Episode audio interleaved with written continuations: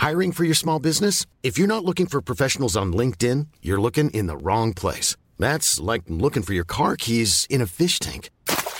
LinkedIn helps you hire professionals you can't find anywhere else, even those who aren't actively searching for a new job but might be open to the perfect role. In a given month, over 70% of LinkedIn users don't even visit other leading job sites. So start looking in the right place. With LinkedIn, you can hire professionals like a professional. Post your free job on linkedin.com slash spoken today. Hey, I'm Ryan Reynolds. Recently, I asked Mint Mobile's legal team if big wireless companies are allowed to raise prices due to inflation. They said yes. And then when I asked if raising prices technically violates those onerous two-year contracts, they said, what the f*** are you talking about, you insane Hollywood ass?"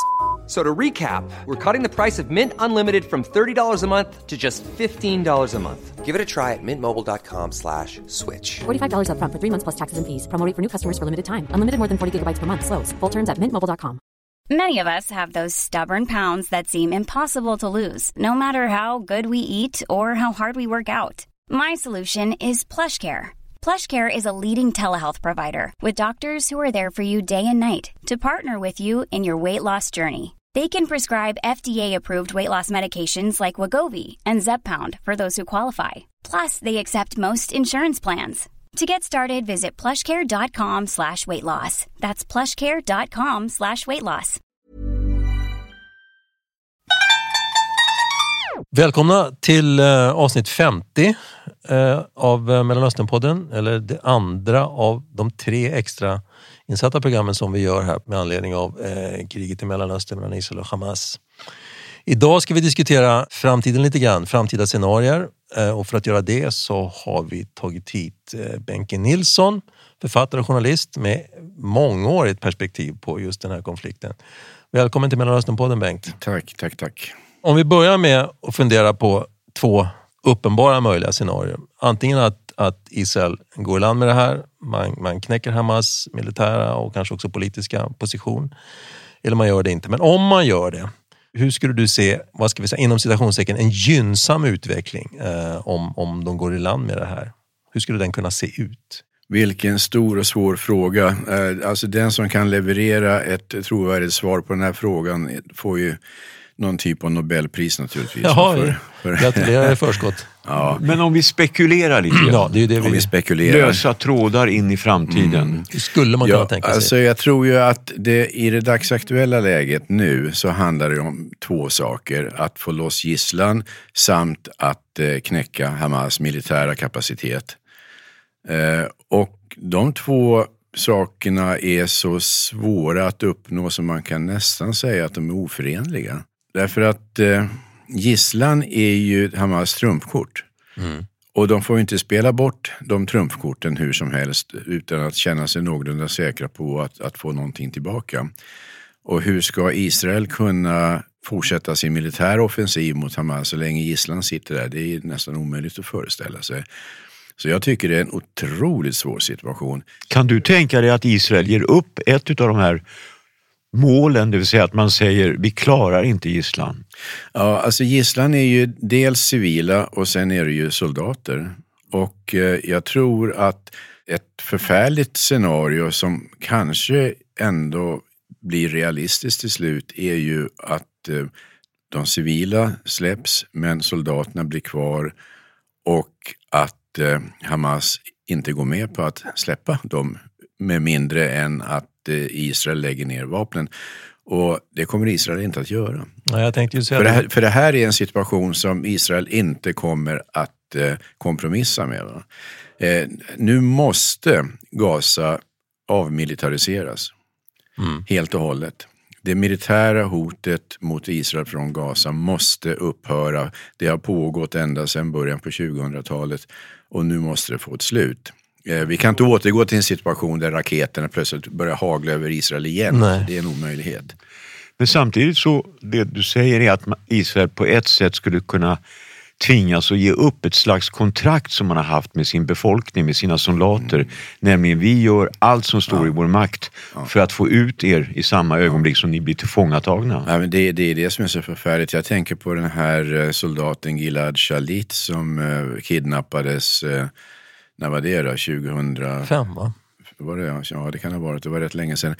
Han kidnappades ju via en av de här tunnlarna som Hamas hade grävt. Och han, han var, det var alltså en person.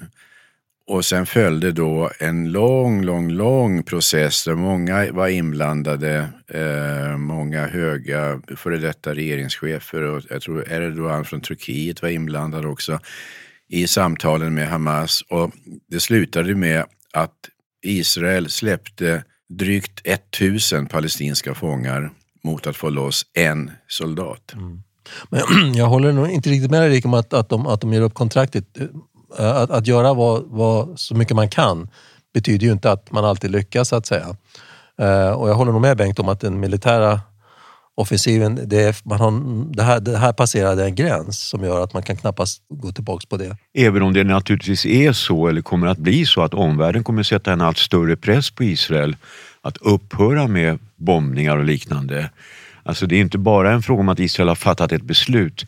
Det är också en fråga om i vilken utsträckning till exempel Israels allierade USA kommer att pressa Israel. USA är naturligtvis en väldigt, väldigt viktig faktor i sammanhanget. Eh, ekonomiskt och politiskt förstås. Men sen är det ju också så att Israel den israeliska ledningen har ju aldrig någonsin räknat med hundraprocentigt stöd från omvärlden. För de vet av erfarenhet att det får de aldrig. De kan få ett symboliskt stöd, Eh, de kan få ett tillfälligt kortvarigt stöd, men något permanent stöd från omvärlden blir det aldrig frågan om. Det enda land som skulle kunna erbjuda det, det är ju USA, beroende på att det finns en väldigt stark Israelvänlig eh, del av USAs befolkning som agerar. Och inte minst då hela den judiska communityn i USA. Men frågan är om det, om det räcker i det här sammanhanget. För sen har vi ett presidentval i USA att ta hänsyn till snart också.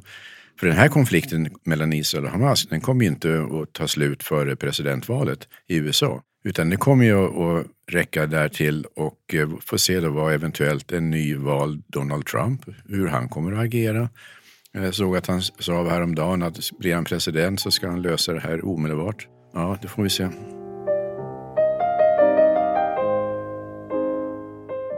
Om vi hoppar fram i tid lite grann och föreställer oss att Hamas har krossats och det blir på något sätt ett internationellt kanske styre över Gaza under en övergångsperiod. Och sen är det ju många som pratar om att i slutändan så måste palestinska myndigheten bli den institution som tar över Gaza. Och då är frågan, vad skulle det krävas för att palestinska myndigheten i Ramallah skulle kunna bli styrande i Gaza? Vad, vad liksom, på vilket sätt skulle den tvingas att förändras för att detta skulle kunna fungera? Jag har svårt att tro att omvärlden kan ställa krav på ett sånt här arrangemang utan att det finns eh, ett demokratiskt eh, parlamentariskt godkännande från det palestinska folket för det här. Eh, jag tror inte att man kan tvinga på palestinierna en sån här lösning uppifrån utan det måste finnas ett folkligt konsensus för att de ska kunna gå med på det. Och då har vi den här väldigt egendomliga situationen att Hamas röstades ju faktiskt fram i ett så vitt vi vet schysst parlamentsval 2005 eller när det nu var. 2006. 2006 ja, ja. Och eh, Sen dess så påstås det ju att Hamas är mer populära på Västbanken än vad de är i Gaza. Det vet vi inte om det verkligen stämmer, men det kan mycket väl stämma. Därför att i, i, i Gaza så har ju folk fått känna på vad det innebär att, att låta sig styras av Hamas. Och det här senaste omgången nu, människor är ju inte dumma i huvudet. De förstår ju mycket väl att det här förstöringen av Gaza hade inte inträffat om inte Hamas hade startat kriget. Det är alldeles självklart, alldeles solklart. Medan däremot på Västbanken så ser man det på ett annat sätt. Där tycker man ju bara att Hamas är hjältar som förmår sätta sig upp mot den stora sionistiska förtryckaren. Om man nu ska försöka förankra en lösning i, hos eh, det palestinska folket med hjälp av parlamentariska val. Det blir jättesvårt att veta om, eh, om eh, den palestinska myndigheten kan få mandat att agera överhuvudtaget. Mm. Det krävs väl omfattande, ett omfattande reformarbete i så fall. Sannerligen. sannerligen. Och, eh, och när du säger reformarbete, vad, säger du, vad tänker du mera konkret då? Vad, vad borde reformeras? Ja, hela, hela styret måste reformeras. Det har ju varit korrupt sen, sen, sen, ja, sen Osloprocessen om man ska vara riktigt, riktigt ärlig. Eh, och, och, och, eh, jag var på Gaza några år efter det att Osloprocessen hade dragit igång, mitten på 90-talet. Och då hade vi ett möte med en palestinsk human rights-aktivist, Edward al-Sarraj, honom kanske du också träffat? Nej, jag känner säkert till honom. men Ja till honom. Ja. som sa innan vi lämnade mötet att, att inte en cent ska gå till Arafat innan han går med på eh, de här västerländska kriterierna för hur bistånd ska hanteras. Inte en cent. Och det, gjorde vi ju inte. Alltså, så I re- reformarbetet så krävs det också att, eftersom någon kommer att behöva betala det här, eh, eh, och det blir ju omvärlden, att man ställer stenhårda krav på hur pengarna ska skötas. Bengt har ju rätt i att dels krävs det någon sorts val, alltså ett folkligt val på vem som ska ratta det här. Men det krävs också att de som delar ut pengarna och de som tar emot pengarna ska ha reformerat sig på ett sånt sätt så att man vet att de hamnar där de ska hamna. Och det har ju omvärlden misslyckats totalt med sen, sen, ja, sen Osloprocessen. Ja, det, det, det sorgliga är ju att omvärldens iver att donera pengar till den palestinska myndigheten är mycket starkare än omvärldens iver att kräva redovisning av dessa pengar. Exakt. Jag, läste helt nyligen att i samband med mm, Arafats död, när var det, 2004 någonting sånt dog han, tror jag. Så gjorde internationella valutafonden, krävde då en, en total genomgång av palestinska myndigheters finanser och fann där att eh, Arafat hade då eh, försnillat ungefär 900 miljoner dollar och placerat på utländska bankkonton här och var. Och de pengarna är fortfarande någonstans på utländska bankkonton. Men Bengt, hur ska man förklara att vi är så ointresserade av att ta reda på exakt hur pengarna som vi skänker används? Ja, det är intressant. Eh, Nu, I samband med 7 oktober nu så gick ju svenska UD ut omedelbart och sa att vi avbryter tillfälligt eh, biståndet till den palestinska myndigheten och vi ska genast tillsätta en utredning om hur pengarna har använts som vi hittills har skänkt under årens lopp. Och då tänkte jag så här, jaha, är det dags att göra det nu? Borde inte det ha gjorts tidigare? Har vi alltså pytsat ut pengar åtskilliga summor under årens lopp utan att kräva någon riktig redovisning. Och så är det ju. Eh, Sverige har inte kunnat kräva någon riktig redovisning, någon riktig revision av biståndsmedlen därför att det har inte varit möjligt att eh, placera svenska revisorer i Gaza av säkerhetsskäl och av andra skäl. Utan där har Sverige då fått förlita sig på en palestinsk eh, motsvarighet till Riksrevisionsverket som ska utföra revisionen istället. Eh, och det är ju lite grann som att sätta bocken till trädgårdsmästare. det, det, där får man ju naturligtvis det man frågar efter. Ja, allt som går in till, till, till, till Gaza är ju, är ju styrt av Hamas sedan 2007 Mm. när de tog över. Det, det, det, och det måste ju även ha varit uppenbart för UD. Så Rikis fråga är högst relevant. Hur, hur är detta möjligt? Men det, så har det ju gått till. Ja. Ja, Det, är- det, är, det där är ett fenomen i sig tycker jag. Eh, ivern att eh, stötta den palestinska myndigheten. Det handlar väl också mycket om att eh, omvärlden vill så gärna kunna visa upp ett resultat i den här processen. Det har ju varit så många enorma ansträngningar att lösa konflikten mellan Israel och palestinierna och senast manifesterat i Osloöverenskommelsen som idag i spillror får man väl lov att säga. Alltså den, den, den, har, den fungerar ju inte alls så som tanken var att den skulle fungera. Och det här är ju pinsamt och genant för omvärlden som har investerat så mycket prestige i det här. Och då kan man inte bara släppa det och säga att nu struntar vi i det här, nu får de klara sig själva. Utan man fortsätter då på, på samma sätt som man har gjort tidigare utan att få något annat resultat heller. Men, och det är ju inte det en definition av, av eh, dumhet? Att man gör samma sak igen och förväntar sig ett annat resultat? Ja, precis. Får jag backa tillbaka lite till eh, det här vi diskuterade om, om gisslan. Det är väl ganska uppenbart så att Hamas hade inte räknat med det här utfallet. Alltså man hade inte räknat med att så många skulle bli gisslan. Eh, eh vad underrättelserapporter visar, ju är att, att de hade tänkt ta militärer som gisslan och skjuta ihjäl de andra, alltså civilpersonerna. Eh, men, men att det var militär som skulle vara gisslan. Det, det, det är så att säga praktiskt besvärligt att ha civila gisslan, men nu är det så. Kan man tänka sig, tror du, med ditt perspektiv, att, att, att Hamas var ju pressade, alltså det var ju därför man så att säga, till slut gick med på det här. Men om den här pressen fortsätter, att man hotar med att avrätta gisslan om inte Israel upphör med, med så att säga, den militära kampanjen. Ja, ingenting kan ju överraska när det gäller Hamas eh, förmåga till den typen av handlingar utan det är vore väl fullt möjligt, men samtidigt också väldigt kontraproduktivt. Mm, men hela deras operation har ju varit kontraproduktiv kan man säga. Mm, Det, menar, snacka om att skjuta sig i foten. Eh, att starta den här attacken mot Israel, de visste ju naturligtvis att det skulle få det här resultatet, att stora delar av Gaza skulle ödeläggas och tyckte uppenbarligen att det var värt det. Eh, Så ja, vi kan inte utesluta några varianter där, utan vad som helst kan hända. Men eh, Hamas har ju starka kort på handen med gisslan och då gäller det att spela de korten på rätt sätt så att de får ut någonting av det. Och det motsatta gäller för Israel. Att ta ifrån dem de korten De helt korten de enkelt. har. Ja. Men om jag tänker på vad du sa tidigare. Du är övertygad om att Israel kommer till slut att kunna krossa Hamas militärt. Ja, alltså jag tror ju som många andra också har hävdat att Hamas är ju inte först och främst en, en, en enhet bestående av fysiska personer utan det är ju en doktrin. En ideologi om man så vill, eller en dok doktrin skulle jag säga. Eh, som handlar om att bekämpa sionismen. Eh, och den doktrinen den kan man inte döda eh, hur många Hamas-medlemmar man än dödar. Den kommer att leva kvar ändå och uppstå i någon ny form på någon annan plats i Mellanöstern. Eh, jag tror inte det är möjligt att, att döda Men är det möjligt att krossa Hamas militärt? Ja, det tror jag.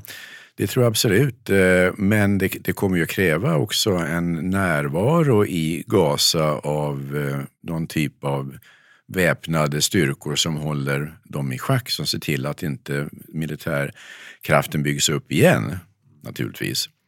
Eh, En total demilitarisering av Gaza. Det är vad som är absolut nödvändigt. Och det kan vara svårt att genomföra, men omöjligt kan det inte vara. Det är, vi pratar ju om ett väldigt litet område. Alltså Gaza är ju, vad är det, fyra mil på längden och mellan fem kilometer och 15 kilometer på bredden. Det är ett väldigt litet område. Men Bengt, ser du framför dig att när Israel då har krossat Hamas militärt, att det kan uppstå någon form utav internationellt styre som tar hand om Gaza och att det här initiativet då eventuellt skulle kunna komma från arabländerna?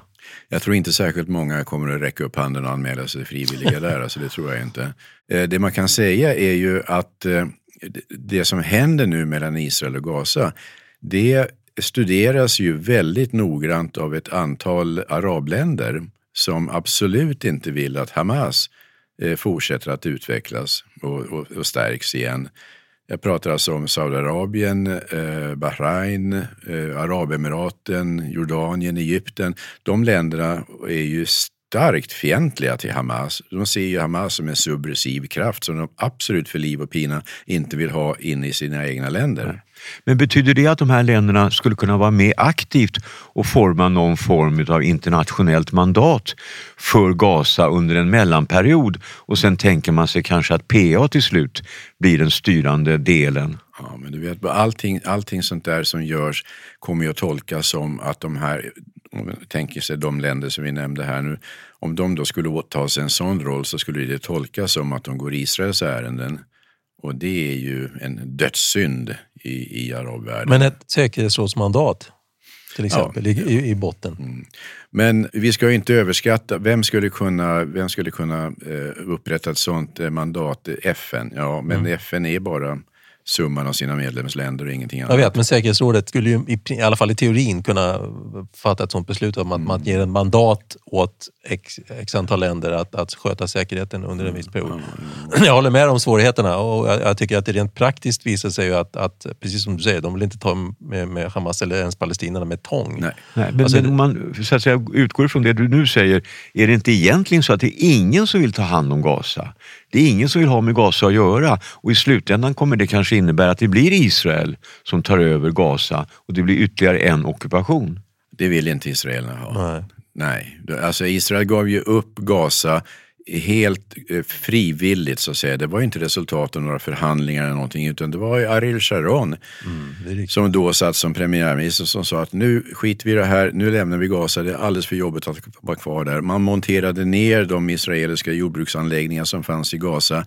De israeler som bodde där, det var ganska många. 8000. Ja, de tvingades flytta och många gånger under starka protester. Och det här var ju någonting som Israel gjorde för att bli kvitt ett problem och också för att visa god vilja kan man väl säga. Va? Men den där goda viljan den misstolkades ju totalt av Hamas som bara såg det som svaghet och ingenting annat. Nej, man kan ju säga att Israel inte fick någon som helst cred för den goda viljan. Nej. Men, men om, du, om det nu är som du säger att Israel skulle aldrig vilja på något sätt återockupera Gaza. Då är vi tillbaka i den här tidigare frågeställningen. Vem ska ta hand om Gaza? Mm. Ja, det är 10 000 kronors frågan. Eh, jag har inget svar på det. Men alltså, man måste börja någon ända och den första och viktigaste det är en demilitarisering. Mm. Och eh, sen är det naturligtvis också så att de människor som bor i Gaza på Gazaremsan. De önskar ju inte att leva i ett permanent krigstillstånd. De vill ju ha fred, naturligtvis. De skiljer sig inte från andra människor i det avseendet. Men de har inte kunnat eh, hävda sin, sin, eh, höja sin röst gentemot Hamas när det gäller det, utan de har ju tvingats stå ut med det här tillståndet som de befinner sig i.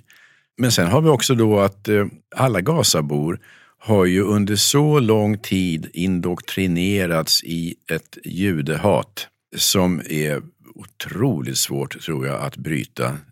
Jag tror att hatet mot Israel, det vill säga mot judarna, för det är så de kallas av araber, det, det sitter ju som en jättelik bromskloss i allting som skulle kunna liknas vid förhandlingar. För eh, Judarna anses inte vara en part man förhandlar med överhuvudtaget. Nej.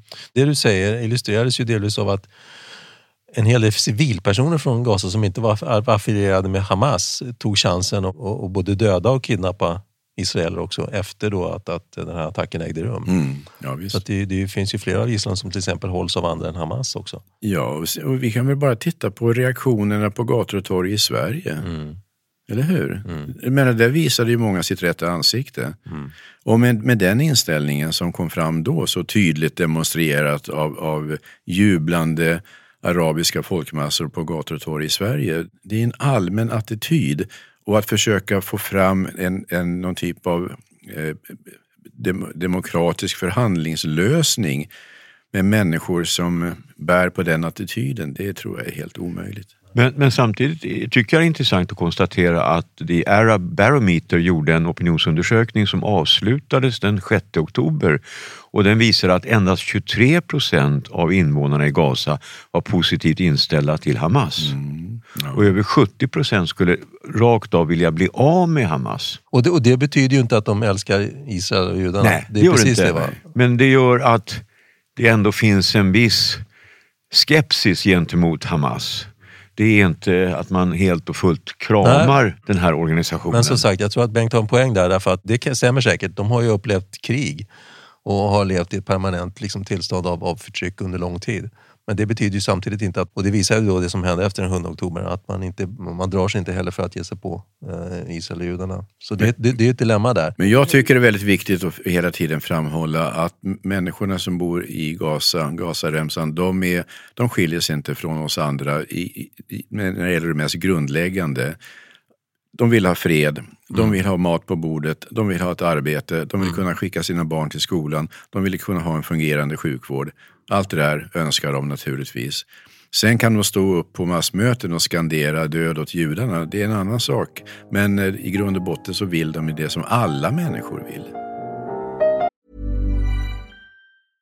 Hej, jag Ryan Reynolds. På Mint Mobile, we like to do the opposite of what Big Wireless does. They charge you a lot, we charge you a little. So naturally, when they announced they'd be raising their prices due to inflation, we decided to deflate our prices due to not hating you. That's right. We're cutting the price of Mint Unlimited from $30 a month to just $15 a month. Give it a try at mintmobile.com slash switch. $45 up front for three months plus taxes and fees. Promo for new customers for limited time. Unlimited more than 40 gigabytes per month. Slows. Full terms at mintmobile.com.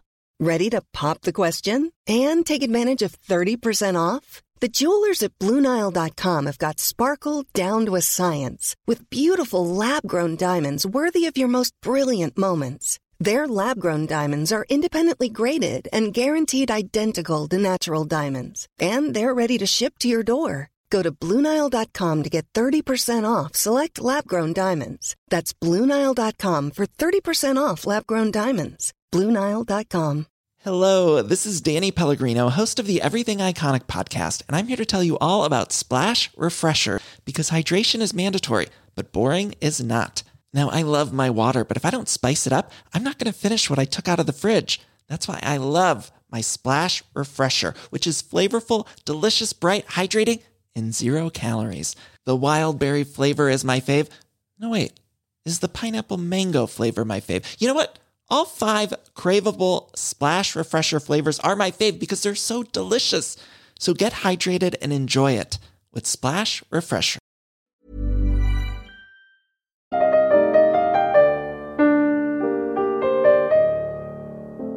Om vi höjer blicken lite grann och tittar ut över regionen. Ett fjärde möjligt scenario är ju faktiskt att Hizbollah på allvar skulle ge sig in i kriget och att Israel därmed måste strida på två fronter. Så vad tror ni skulle få Iran att ge klartecken för det? Är det någonting som vi bör vara oroliga för eller är det på det sättet att den nivån som Hizbollah har bestämt sig för, den kommer att ligga kvar? Ja, Hizbollah. Eh, jag vet inte riktigt hur man ska se på Hizbollahs roll i det här. Det, det hade ju varit ett gyllene tillfälle nu att eh, intensifiera attackerna mot norra Israel. Men frågan är med vilket taktiskt mål då? Vad, vad ville man uppnå med det? Om vi backar tillbaka till tidigare krig, framförallt då kriget 1948.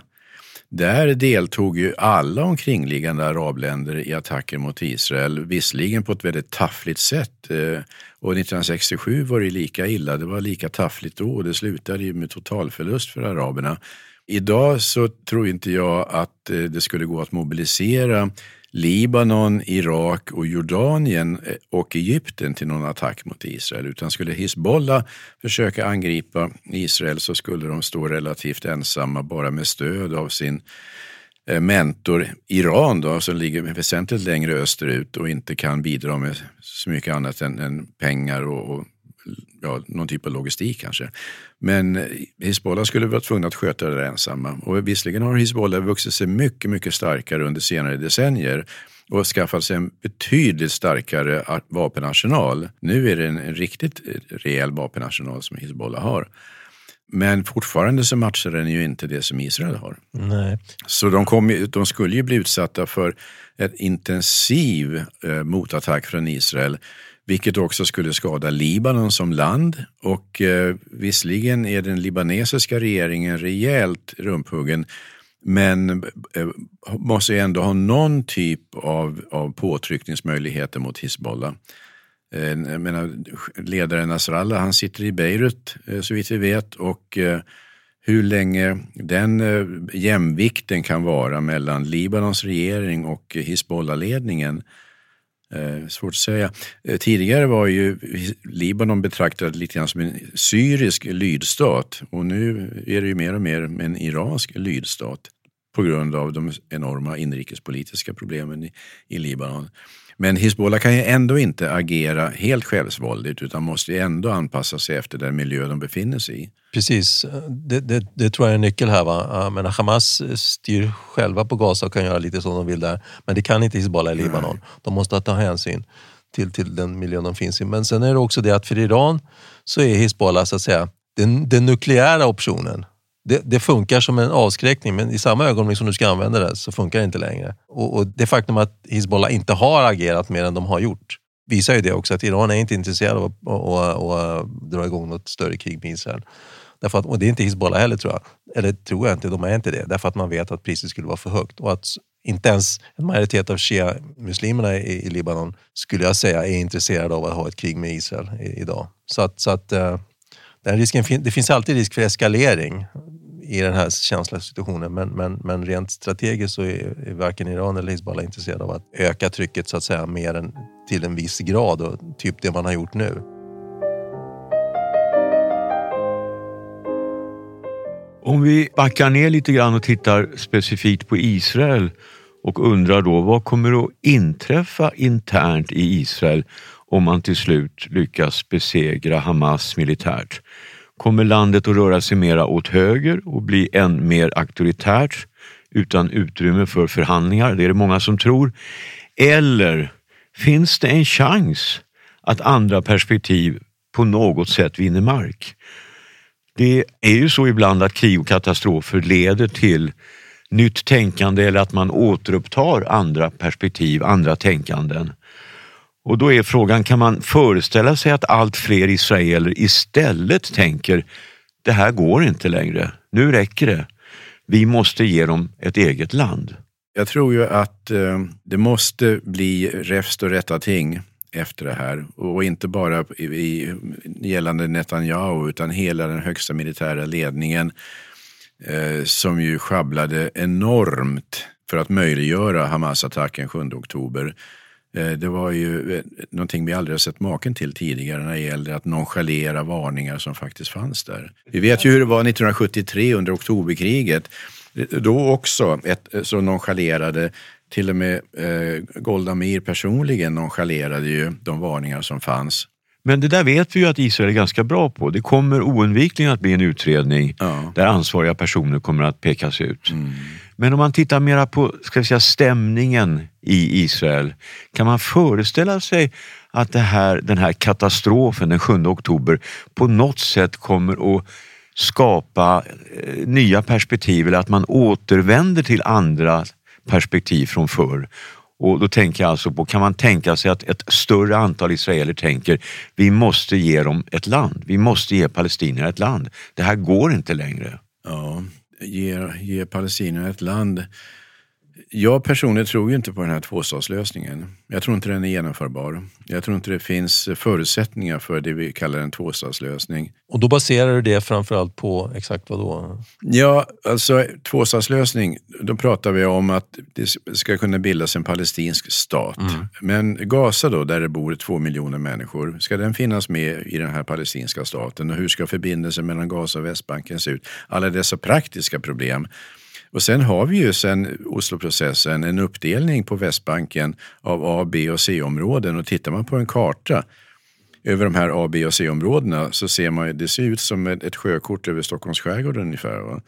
Med kobbar och skär och sen däremellan det, det stora israeliska havet då, där dessa kobbar och skär i form av eh, självständiga palestinska områden finns. Men det går ju inte att skapa en stat utifrån dessa öar, det går inte. Utan då måste man i så fall, jag menar, ska vi då försöka avhysa alla judiska bosättare från Västbanken? Det är en praktisk omöjlighet. Det skulle ju utlösa ett inbördeskrig i Israel om man försökte sig på det. Det var ju svårt nog att avhysa de här 8000 från Gaza och tidigare också då från Sinai, de som bodde där när Sinai skulle återlämnas till Egypten. Det var ju likadant där, att det bodde judiska bosättare där som vägrade att flytta på sig. Och att försöka avfolka eh, Västbanken som sagt för att och sen skapa en palestinsk stat. Det skulle inte kunna, det skulle aldrig bli någon konsensus om det i Israel, kan jag inte tänka mig. Så vad, vad är det du säger, att det kommer fortsätta status quo? Ja, alltså, men det kan det inte heller göra. Det är det. Va? Det, det kan ju inte. Det finns ju en demografisk aspekt av det hela. Eh, Israel kan ju inte fortsätta att eh, styra över det palestinska folket utan att på något sätt ge dem demokratiska rättigheter. Och det har ju varit en realitet ända sedan 1967. Och det är fortfarande en realitet att det kan inte fortsätta. Men vad ska man då göra? Jag har bara, jag menar, jag gav ju häromåret ut min bok Israel och hennes fiender som för övrigt kommer ut i en uppdaterad version nu snart om ett par veckor. Okej. Ja. Och eh, där re- refererar jag till det som har sagts och skrivits om en alternativ lösning gällande Västbanken. Och det är ju då ett ganska gammalt förslag som handlar om att eh, i princip enkelt uttryckt låta Jordanien ta över Västbanken så som var fallet före 1967. Men från 1948 till 1967 så lydde ju Västbanken under Jordanien. Och på den tiden förekom det ju inte några protester mot det. Därför att människorna på Västbanken är i princip samma människor som bor i Jordanien. Det är samma kultur, samma språk, allting. De är, de är släkt helt enkelt. Det är samma, samma människor. Eh, ett sådant arrangemang i kombination med att Västbanken också demilitariseras. För det är ett absolut krav.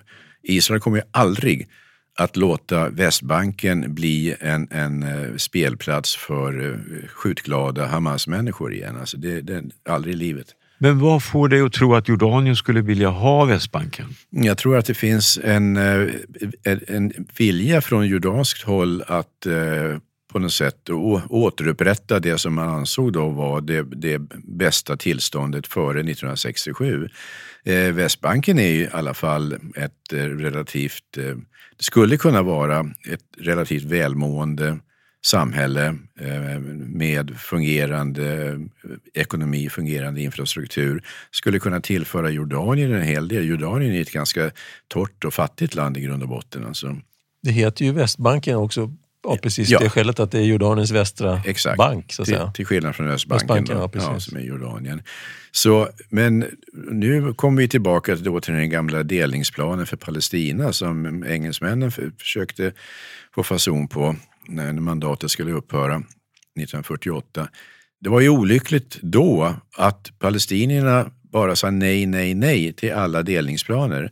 Hade de haft lite mera visionära Eh, en mer, visionär uppfattning om framtiden så hade de accepterat en delningsplan och så hade det blivit bra med det. Nu gjorde de inte det. Och då blev det så att Jordanien erövrade Västbanken under kriget 1948 och sen höll det fram till 1967. Så jag, jag tror mera på den lösningen, att låta Västbanken ingå i någon typ av federation med Jordanien. Någon typ av självstyrande område, demilitariserat i federation med Jordanien. Och då att låta de judiska bosättarna bo kvar, ge dem ett leasingavtal på 100 år eller någonting liknande. Sådana arrangemang har man ju provat tidigare. Många vill ju hänvisa till Åland som ett exempel på hur en sån här konstruktion skulle kunna se ut. Men det viktiga sammanhanget det är ju demilitariserat till 100 procent får inte förekomma så mycket som en fickkniv tänkte jag säga, men alltså inga skjutvapen överhuvudtaget. Och sen under polisövervakning av både israelisk och iransk polis. Magnus, så vad tror du om den här idén om att Västbanken blir en slags konfederation med Jordanien? Ja, det, är ju, det, det är ju inte heller någon ny, ny tanke faktiskt. Eh, Och jag, jag kan hålla med om att, precis som, som Bengt säger, när man tittar på kartan och ser Stockholms skärgård, det är en ganska bra analogi faktiskt. Det är väldigt plottrigt och det, det går ju inte egentligen, eller går, det ska jag kanske man inte säga, men det blir ju oerhört svårt att få någon, någon sammanhängande palestinsk stat av detta såvida man inte gör väldiga förändringar som jag också har svårt, svårt att se. Och att det beror på att palestinierna och araberna har sagt nej till ja, egentligen alla kompromissförslag sen, ja, sen 48. Det, det är ju tragiskt men det är ju så det ser ut. Så det handlar om att hitta en praktisk lösning. Jordanien säger ju lite både och här. Va? Å ena sidan så, så, så, så kung Abdullah sagt att de, de, de är inte intresserade av att ta över men å andra sidan så kommer det signaler som säger precis motsatsen.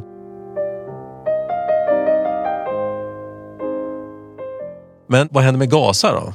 Vad skulle så säga, modellen för Gaza bli? Tidigare så lydde ju Gaza under Egypten, Egypten, men ja. egyptierna vill ju inte ha till, Nej. tillbaka något ansvar för Gaza, Nej. för de vet att det skulle bara bli problem och ingenting annat. Så det, det, det är jättesvårt att säga det. Och i grunden ligger ju då det här av FN skapade flyktingproblemet. Mm, just det.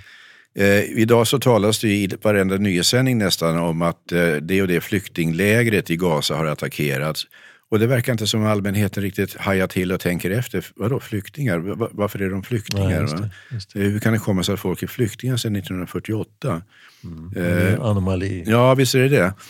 Eh, jag var, senast jag var i Israel för några år sedan så åkte jag till Ramallah eh, som är då den palestinska huvudstaden, kan man säga, ligger strax norr om Jerusalem.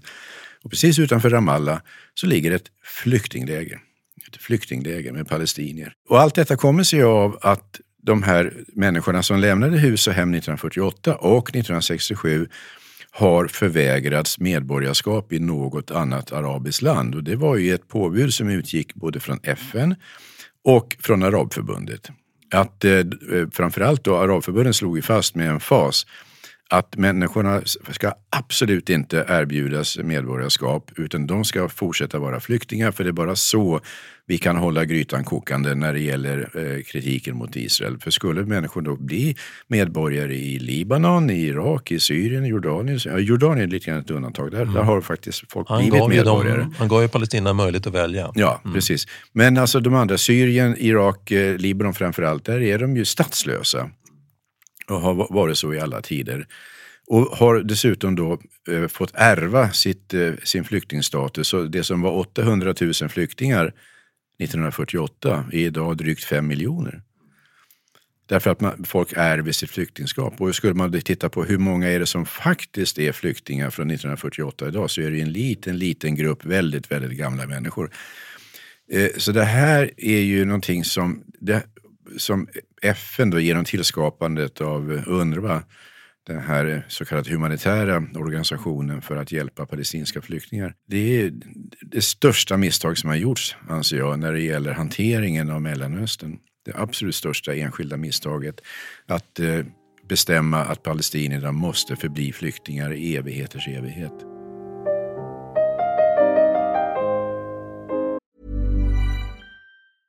Imagine the softest sheets you've ever felt. Now imagine them getting even softer over time. That's what you'll feel with Bowl and Branch's organic cotton sheets. In a recent customer survey, 96% replied that Bowl and Branch sheets get softer with every wash. Start getting your best night's sleep in these sheets that get softer and softer for years to come. Try their sheets with a 30-night guarantee. Plus, get 15% off your first order at bowlandbranch.com. Code BUTTERY. Exclusions apply. See site for details.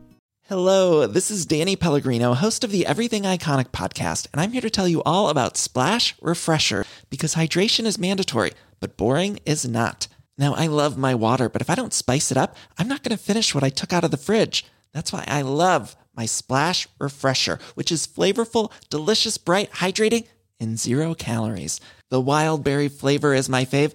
No, wait, is the pineapple mango flavor my fave? You know what? All five craveable splash refresher flavors are my fave because they're so delicious. So get hydrated and enjoy it with Splash Refresher. ACAST powers the world's best podcasts. Here's a show that we recommend. The Real Housewives is a guilty pleasure for most, but if you're looking to not feel guilty about that pleasure, tune in to Everything Iconic with me, Danny Pellegrino, where I break down all the messy moments and behind the scenes antics of Bravo's popular franchise. And on Everything Iconic, I also interview celebrity guests like Kelly Ripa, Kiki Palmer, Drew Barrymore, Cameron Diaz, and more about their guilty pleasures, their past work, and so much more. So if you're pop culture obsessed and find yourself watching way too much reality TV like me, tune in to Everything Iconic with Danny Pellegrino wherever you listen to podcasts. ACAST helps creators launch, grow, and monetize their podcasts everywhere. ACAST.com. Jag skulle vilja bara testa en idé som nyligen föreslogs utav Jossi Klein Halevi som jobbar för The Hartman Institute i Jerusalem och som vi har haft här i podden tidigare. Och han har en förhoppning om att The Abraham Accords skulle kunna utvidgas och att man skulle kunna få med sig såväl Saudiarabien som den palestinska myndigheten och att man då tillsammans skulle kunna forma en framtid för Gaza och Västbanken. The Abraham Accords är samlingsnamnet på de bilaterala överenskommelser som Israel har slutit med fyra arabländer. Förenade Arabemiraten och Bahrain i september 2020 i december följde ett avtal med Marocko och i januari 2021 så skrev Sudan och Israel under ett, ett, en överenskommelse om att normalisera förbindelserna. Och alla de fyra överenskommelserna kallas alltså med ett samlingsnamn The Abraham Accords. Vad tycker ni om den typen av... Alltså inom ramen för The Abraham Accords? Ja. Och han menar att ska någonting av värde, av substans hända i den här regionen så måste det utgå ifrån att arabländerna tar initiativ. Vad säger du Magnus? Är det här realistiskt? Ja, jag vet inte. Alltså, jag kan hålla med om att det är en utmärkt idé att arabländerna, i, alla fall vissa i Arabförbundet, eh, så att säga, lever upp till sin retorik och praktiskt hjälper palestinierna. Det har de ju inte gjort. Retorik är en sak, precis som du nämnde tidigare Bengt. De säger en sak men de gör ingenting. Så att ett, ett initiativ från i alla fall vissa länder, ja Abraham Accords-länderna är ju ingen dum tanke att komma med konkreta lösningsförslag. Det vore ju alla tiders. Och det skulle säkert kunna fungera alltså, om det hände. Men då måste det ju finnas någon, något konkret. Alltså det räcker inte med retorik.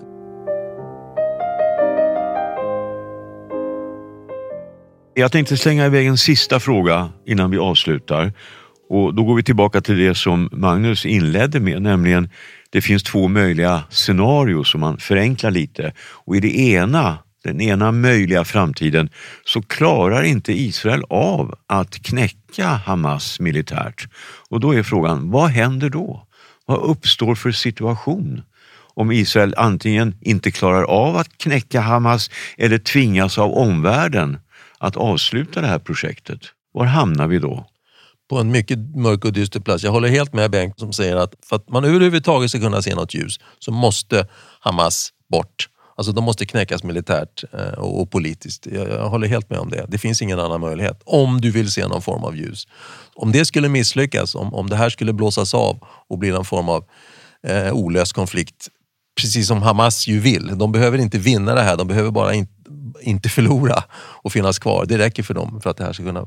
Så det som skulle hända då är att vi skulle vara tillbaka på ruta ett på ett sätt och vis. Fast med ännu mera så att säga, humanitära problem än vad vi redan har haft. Det är där vi skulle hamna om det scenariot skulle, skulle slå ut. Mm. Vad säger du Bengt? Ja, jag säger så här att eh, vi svenskar, vi tre som sitter här, vi är alla vi är drillade i det här tänkandet att alla problem har en lösning. Och det handlar bara om att tänka ut den lösningen och sen implementera den så är saken biff. Eh, jag tror att vi kanske står inför någonting som liknar ett olösligt problem här. Och jag tror också så här att det bästa scenario jag kan föreställa mig är ju att eh, Gaza demilitariseras helt och hållet. Att eh, kontakten mellan Israel och Gaza kan återupptas så som det var tänkt kring 2006. Där gränsövergången i norr öppnas upp för eh, migrerande arbetare som vill åka över till Israel och jobba under dagen och sen åka hem på kvällen. Mm. Israel är ett litet land det också.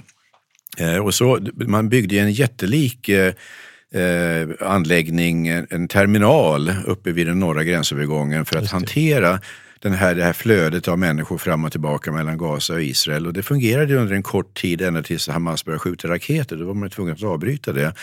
Men just den här kontakten mellan eh, palestinier och israeler på basnivå där de träffas som arbetskamrater, eh, jobbar ihop och snackar med varandra och så vidare. Det tror jag är det enda som på sikt kan nöta ner den här Hamas-doktrinen. Eh, jag tror inte vi hittar några snabba lösningar på det här problemet. Jag tror att det här måste ta väldigt lång tid. Och jag tror att det måste förutsätta en fysisk kontakt mellan palestinier och israeler på arbetsplatser, i skolor och så vidare. Så länge de lever åtskilda och odlar sina myter om varandra så kommer det här problemet att bestå. Intressant att, att du säger det. Jag håller med. Och en av de historier efter den här attacken som, som i alla fall eh, berörde mig bland det mesta, det var ju de palestinier från Gaza som fastnade på en del av de här kibbutzerna som attackerades och som hjälptes av sina israeliska arbetsgivare att ta sig därifrån. Jag håller med, du har helt rätt. Och precis innan attacken så hade ju Israel beslutat sig för att öka de här antalet arbetare från Gaza som skulle kunna arbeta i Israel. Mm. Och, och, och, att det gick bra, det visar ju också då att man ville ha den formen av kontakten. Och det finns ju ett skäl att Hamas motsätter sig det. Mm. Därför att de inte vill ha fred. Det, det, det kan vara värt att betona ja, det. Visst. För Hamas är det inte intressant att få fred. Nej. De är inne i ett evigt krig med Israel och, och, och, det är slutmålet. Nej, och för Hamas var det inte heller intressant att se den här, de här gästarbetarna komma och gå mellan Israel och, och, Gaza. För de visste naturligtvis det att så fort en, en palestinier från Gaza etablerar en personlig kontakt med en jude i Israel, lär känna vederbörande, de börjar skratta tillsammans, dricka kaffe tillsammans, då har man genast eh, raserat en stor del av det här judehatet. Eh, och det är den processen som måste utvidgas och genomföras.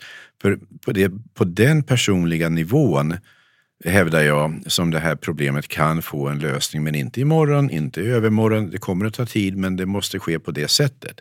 För åtskilda kommer judar och araber att fortsätta hata varandra. Men eh, får de möjlighet att leva tillsammans på den nivån då kan allting hända. Det var väl en utmärkt avslutning. En form av positiv ton i detta mörker.